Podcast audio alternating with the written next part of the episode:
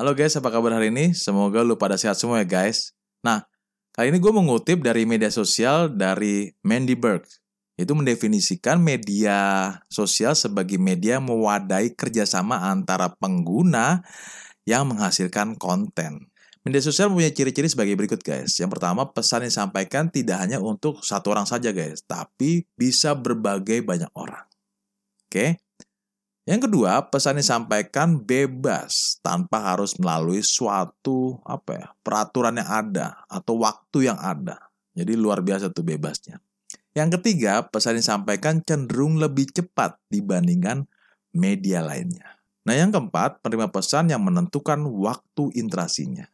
Nah, untuk vlog atau yang disebut dengan video blogging pada awalnya menjadi sarana untuk mengekspresikan diri dan memberikan pendapat kepada publik, guys. Nah, menurut artikel Educase Learning Initiative mengenai video blogging, guys, berikut ini adalah kelebihan dari vlog nih, guys. Yang pertama adalah gampang dibuat. Jadi bener kan?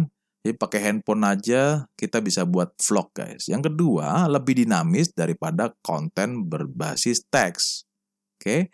Yang ketiga, mengembangkan opsi komunikasi lebih maksimal. Yang keempat adalah berpotensi menjadi sarana komersil yang mutakhir, guys. Nah, ini ujung-ujungnya dapat duit ya, guys ya. Yang kelima yang kalah menarik adalah menjadi sarana mengekspresikan diri. Nah, ini benar-benar kelebihan vlog tuh seperti itu, guys. Nah, sebenarnya banyak banget manfaatnya jika kita menjadi konten kreator, guys. Oke. Gue akan kupas podcast ini biar nggak penasaran bagaimana kita mempunyai manfaat menjadi konten kreator. Yuk kita simak podcast ini sampai selesai ya guys. Nah, kalau lu mau ikutin konten-konten yang gak kalah serunya guys, lu bisa follow dengan cara subscribe dan tekan tanda lonceng di video atau di podcast ini ya guys. Nah, tentunya setelah pesan-pesan berikut ini. Hai semuanya, selamat datang di channel podcast Manusia Pembelajar.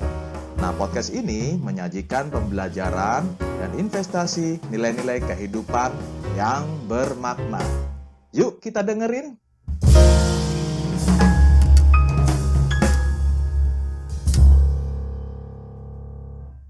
Nah, jika kita memilih menjadi pembuat konten atau disebut konten kreator dengan membuat konten yang positif, tentu saja secara emosional kita tidak akan terbebani, guys. Ditambah lagi, jika sudah cukup banyak subscriber, kita akan menjadi penyemangat buat kita guys untuk selalu memberikan banyak manfaat bagi orang lain. Oke? Nah, ini beberapa manfaat lain dengan membuat konten positif guys. Nah, jika konten positif tentang informasi nih, maka akan membuat orang lain yang sebelumnya mungkin tidak tahu, maka menjadi tahu setelah menonton dan mendapatkan pengetahuan yang baru guys. Yang kedua, jika konten positif tentang kebaikan, nah orang lain akan memberikan semangat, doa dan harapan yang terbaik untuk kita. Oh, amin, ya kan? Itu yang kedua. Sekarang yang ketiga, nah jika konten positif tentang tutorial, maka membuat orang mendapat melakukan hal yang baru yang bermanfaat bagi mereka, guys. Bisa jadi menjadikan mereka sumber pendapatan, guys. Nah, ini menarik ya, guys. Nah, yang berikutnya, jika konten positif yang menghibur guys, maka membuat orang lain tuh yang mungkin sebelumnya gelisah atau galau akan menjadi tersenyum kembali guys. Nah itu 4 poin di mana manfaat kita membuat konten-konten positif ya guys. Oke, tentunya membuat inspirasi positif bagi orang lain guys. Ayo guys, kita jadikan hobi baru guys dalam membuat konten positif guys. Nah tadi kan dampak positif buat orang lain. Nah, gue akan coba sharing dampak positif juga buat kita sendiri guys. Jika kita menjadi konten kreator guys. Dampak yang pertama gini guys, menyalurkan hobi-hobi, potensi, dan passion lo lewat konten kreator guys. Artinya gini, yang pertama membuat konten itu bisa jadi sebagai hobi lo. Kalau lo suka hobi ngomong, bercerita, atau suka edit video, atau suka nulis, atau suka foto, nah yang lu suka itu disalurkan dalam bentuk konten guys sehingga hobi lu itu bisa apa disalurkan dengan baik dan lebih maksimal guys. Oke? Okay? atau yang kedua potensi dan passion lu lu bisa lu rekam sebagai inspirasi untuk orang lain. Contoh sederhananya guys. Kalau lu suka masak dan mahir masak ya lu rekam aja dan bagikan kepada masyarakat guys. Tentunya lewat medsos tadi. Atau nih lu suka olahraga dan mahir olahraga ya lu rekam dan bagikan tips-tips bagaimana menjadi olahragawan yang baik guys, terutama untuk masyarakat guys. Nah, artinya, nah sebagai anak muda nih, apa pun hobi lu, potensi lu, passion lu, lu bisa bagikan di dunia media sosial guys. Hal itu menurut gue nih, sebagai karya konten positif juga kok guys. Jadi membagikan apa pun yang positif tentunya itu sebagai karya konten positif guys. Nah, sekarang manfaat yang kedua jika kita membuat konten positif guys, yaitu berbagi pengetahuan ya guys. Nah, jika lu suka berbagi dengan orang lain, berbagi kan nggak mesti lewat uang atau harta kekayaan ya guys. Dengan lu membuat konten positif dan bermanfaat bagi orang banyak, itu juga berbagi juga guys. Jadi dengan semangat berbagi tentunya akan berdampak positif buat lu dan juga buat orang yang melihat konten lu guys. Gue percaya nih setiap orang punya kelebihan dan keahlian masing-masing guys. Sehingga alangkah baiknya atau alangkah indahnya kita bisa berbagi pengetahuan kepada orang lain. Ada istilah apa yang lu tabur positif maka akan menuai hal positif juga guys. So, salam semangat berbagi dalam bentuk konten-konten positif ya guys. Nah, Nah, sekarang manfaat yang ketiga kalau kita membuat konten positif guys, yaitu adalah membangun jaringan dan pertemanan yang lebih luas lagi guys.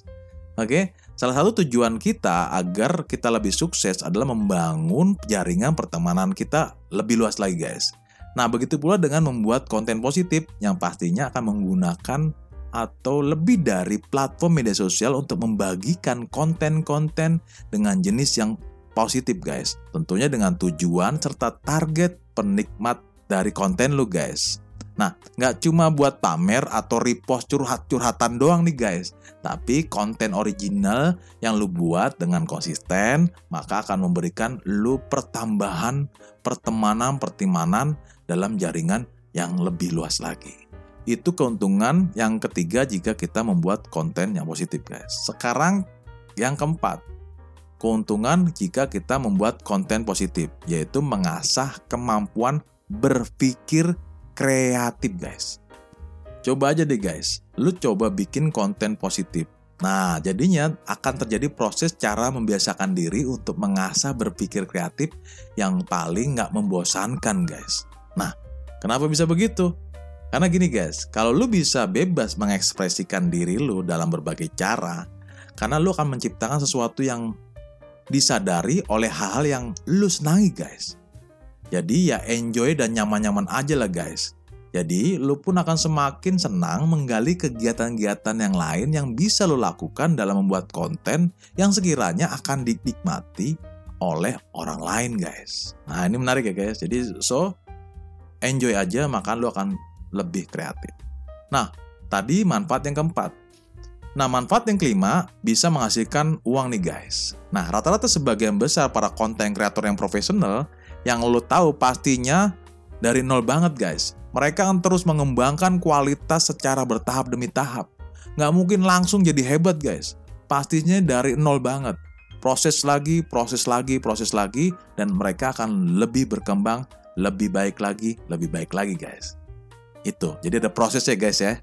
Nah, namun menurut gue penghasilan uang itu sebenarnya dampak dari hasil kerja keras dan dikombinasikan dengan kesenangan dan potensi lu yang kita punya guys. Jadi kalau lu senang dan punya potensi, kalau nggak kerja keras ya percuma juga guys. Nah kalau lu kombinasi dengan kesenangan, kombinasi dengan potensi dan kombinasi dengan kerja keras, jadinya akan pecah guys, bener nggak? yang penting jangan salah fokus terbalik guys. Maksudnya gini, bener sih dapat uang, tapi jangan fokus di uangnya guys.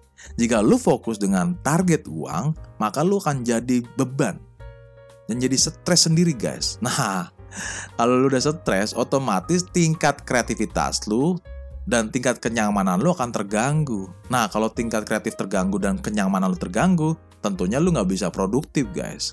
Nah, nah itu malah tambah parah lagi dan akhirnya nggak bisa bikin konten positif lagi guys. Nah, so lu tetap aja fokus dengan tujuan utama lu, yaitu berbagi secara kreatif dan nyaman dengan apa yang lu lakukan. Sehingga otak kreativitas lu terus positif dan terus berjalan guys. Oke?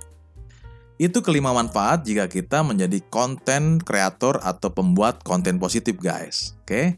Nah gue berharap nih jadi temen lu, ayolah kita banjiri konten-konten positif di dunia media sosial guys. Biar Indonesia kita lebih maju dan damai guys. Oke? Nah, salam semangat ya guys. Kita banjiri konten-konten positif ya guys. Oke. Nah, jika lo mau diskusi atau ngobrol-ngobrol seputar konten positif, lo bisa hubungi tim growing guys.